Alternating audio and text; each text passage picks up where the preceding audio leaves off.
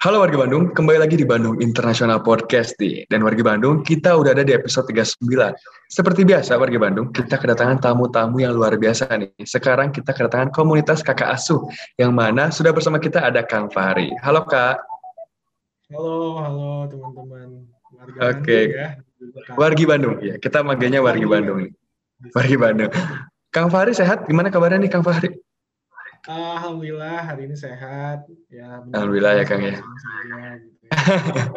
Oke, Kang Fahri, ini perlu warga Bandung ketahui nih, kalau Kang Fahri ini adalah salah satu founder ya Kang Fahri dari Kakak Asuh, betul Kang Fahri?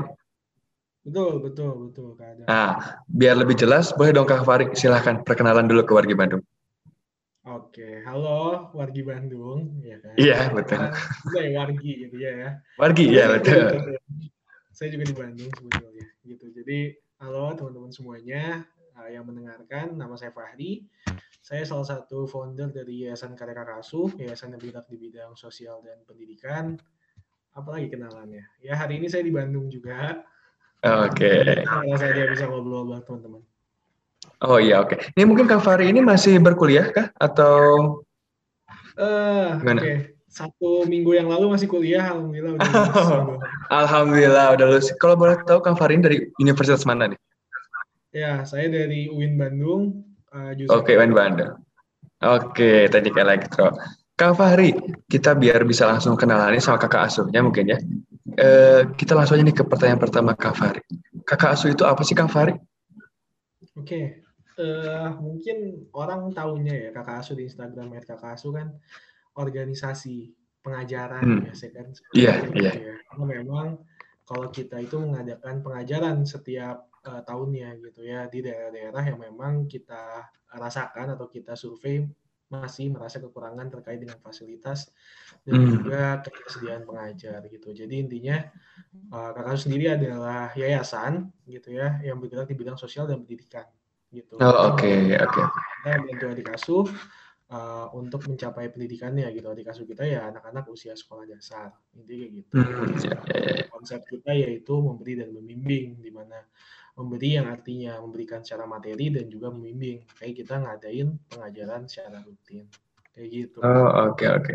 Kira-kira ini Kang kalau boleh tahu ya, ide awalnya kenapa tuh Kang bisa muncul kayak bikin deh kakak asuh? Oke. Sebenarnya apa ya? Masing-masing dari founder pasti punya pemikiran sendiri-sendiri. Eh. dalam- Oh, emang ada berapa founder Kang? Kalau boleh tahu. ada ada empat kak. Oke. Ya, semuanya punya masing-masing punya pemikirannya sendiri akan terkait dengan pendidikan khususnya gitu ya. Karena kita Iya, melihat bahwa pendidikan di Indonesia ini ini dulu tanpa survei tanpa apa ya ceritanya kan kita Oke. ya, karena Iya. kasus dibuat saat kami masih semester 2 kuliah gitu ya. Jadi kita belum Oh. banyak apa ya survei Tahun berapa tuh Kang kalau boleh tahu?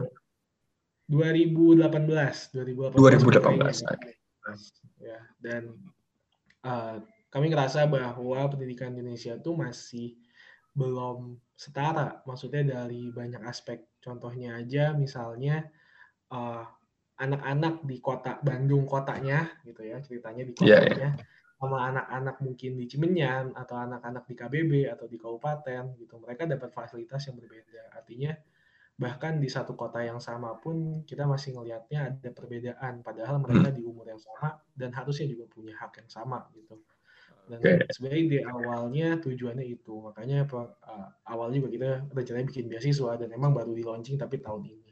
Jadi intinya Oh, gitu. Oke, oke. Itu 2018 itu berarti tahun lahirnya kakak asuh ya?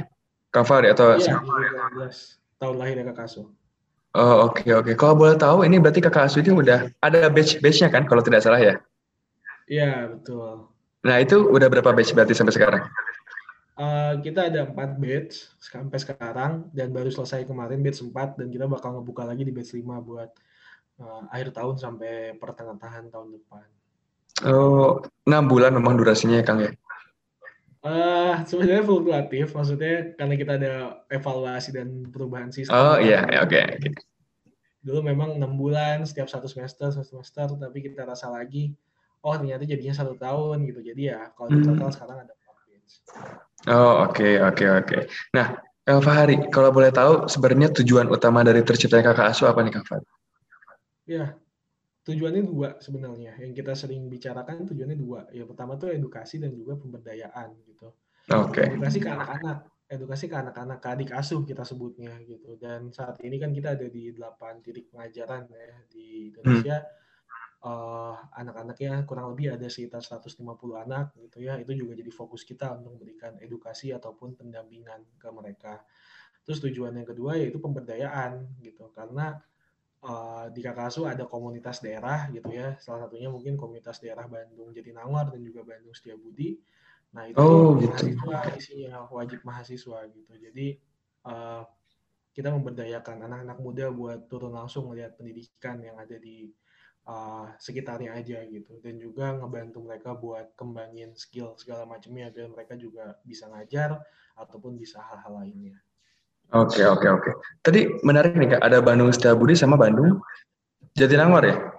Nah, oke. Okay. Kira-kira itu Kak, boleh nggak disebutin daerah spesifiknya? Misalkan kayak ada nggak sih subjek utama di tempat-tempat tersebut? Oke. Okay. Uh, eh, sebetulnya setiap batch tuh kita memperbaharui ataupun kita mereview kembali apakah tempat hmm, okay. kita aja uh, cocok atau enggak atau masih yeah, yeah. harus kita aja gitu ya.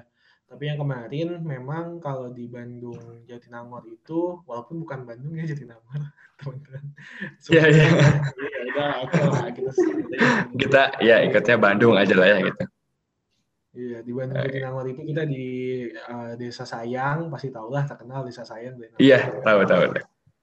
Terus kalau di Bandung Setiabudi sebenarnya harusnya bukan Setiabudi sih tapi Bandung Kota aja karena juga kita ngajarnya itu di uh, belakang Borma Kiara Condong, mungkin teman-teman tahu. Oh, Burma, oke okay, tahu tahu, ya ya. ya. Dengan padat pendudukan di sana, itu kita yeah. di situ selama satu batch kemarin, kayak gitu. Oke, okay. kalau ditanya di luar Bandung, memang ada di mana lagi kan? Ada di Bekasi, ada di Depok, ada di Jakarta, ada di Bogor, Bogornya juga ada dua, dan satu lagi ada di Yogyakarta. Dan ya Allah di base 5 nanti kita bakal buka juga di Semarang. Wah, luar biasa banget ya. Berarti udah tersebar di seluruh Pulau Jawa ya, Kang ya? Belum semuanya sih. Kita belum ada timur, ya semoga. Ya, tapi dengan harapan besarnya bisa ya, Kak, untuk Jawa Timur juga. Nah, Kak, pertanyaan saja nih, Kak. Kira-kira program yang dimiliki sama Kakak Asu apa aja sih, Kak? Kegiatannya mungkin seperti apa kalau Kakak Asu itu? Boleh diceritain? Ya. Oke. Okay pertama kita mendukung daripada itu sih tujuan tadi Kak Adam tanyain ya Kak Adam. Iya. Yeah. Kan tujuannya itu tadi ada dua ya, edukasi dan pemberdayaan. Artinya di edukasi ini uh, kita juga fokus ke sana. Program-program yang ditimbulin juga asalnya tujuannya dari sana. Contohnya pengalaman. Okay. Terus juga ada namanya beasiswa kan kita ngasih beasiswa juga. Perencanaannya beasiswa kasih namanya itu juga di bagian di sana karena konsep kita memberi dan membimbing dan untuk mendukung keuangan segala macamnya pasti kan ada program kerja selanjutnya gitu ya untuk mendukung yeah. pengajaran ini gitu. Termasuk juga selain keuangan pelatihan juga untuk pengajarnya. Jadi program kerjanya itu di seputar sana.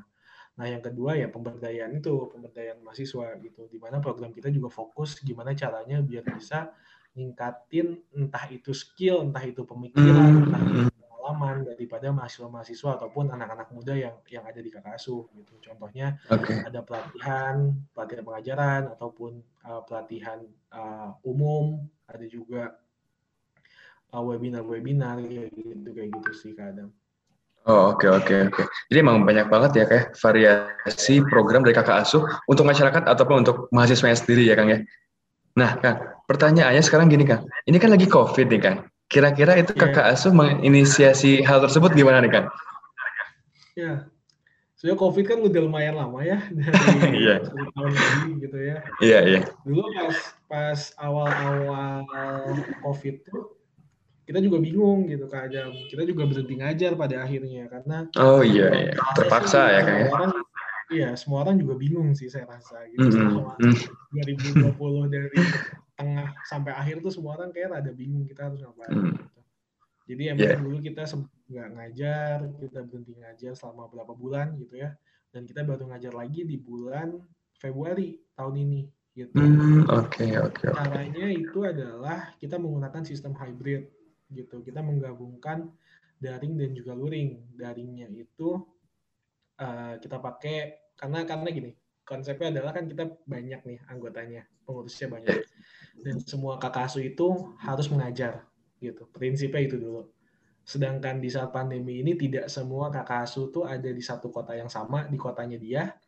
Itu yang pertama. Dan yang kedua, uh, yang ke sana juga harus terbatas gitu karena bahaya. Hmm, dibatasi ya. Iya.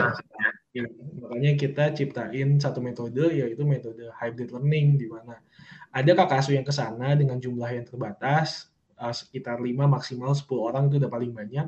Tapi ada juga hmm. kakak asuh yang di rumah ngajarnya via Zoom. Jadi nanti kakak-kakaknya tuh di sana buat pendampingan aja dengan bawa laptop okay. gitu, bawa komputer gitu. Ngajarnya dari rumah gitu. Sebenarnya itu sih apa ya yang kita lakukan untuk ya sebagaimana mungkin kita harus tetap ngajar walaupun di masa sulit kayak gini gitu. Ya iya iya luar biasa banget nih. Nah kak, karena kan memang ternyata masih diusahakan ya untuk ada program dari kakak asuh langsung untuk masyarakat. Kalau ditanya nih kak, cita-cita kakak asuh untuk organisasinya ini gimana kak pengen nih? Hmm, banyak sih gitu ya. Iya nggak apa kak, sebutin aja nggak apa. Oke. Untuk sebagai organisasi sih kita sadar bahwa kita juga baru jadi yayasan gitu ya. Jadi masih oh, iya. banyak masih banyak apa ya? Masih banyak kekurangan lah kita yakin itu. Walaupun banyak juga perkembangan.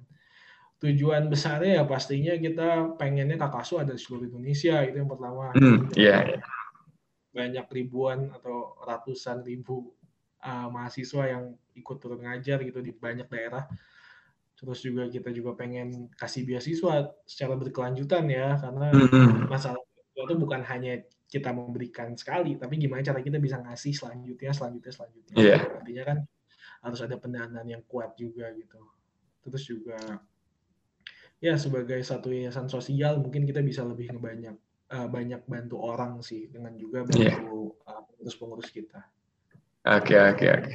Nah ini kan mungkin agak spesifik ya pertanyaannya. Kalau cita-cita untuk kota Bandungnya gimana kan? Ada kan? Khususnya daerah Bandung ya kan? Ya, Bandung memang menarik ya. gitu. Dan Kenapa nih kan? Menarik.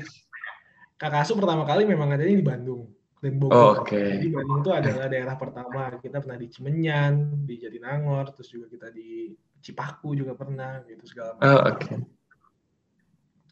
Harapannya sih sebetulnya memang sama aja sih dengan dengan daerah lainnya gitu ya. Harapan yeah. kita memang anak-anak di Bandung juga punya punya apa ya keleluasaan ataupun punya fasilitas yang sama dengan yang yang didapatkan di sekolah-sekolah yang tengah kota gitu. Karena saya ngerasa mm -hmm itu banyak coretnya ya Bandung coret tuh banyak.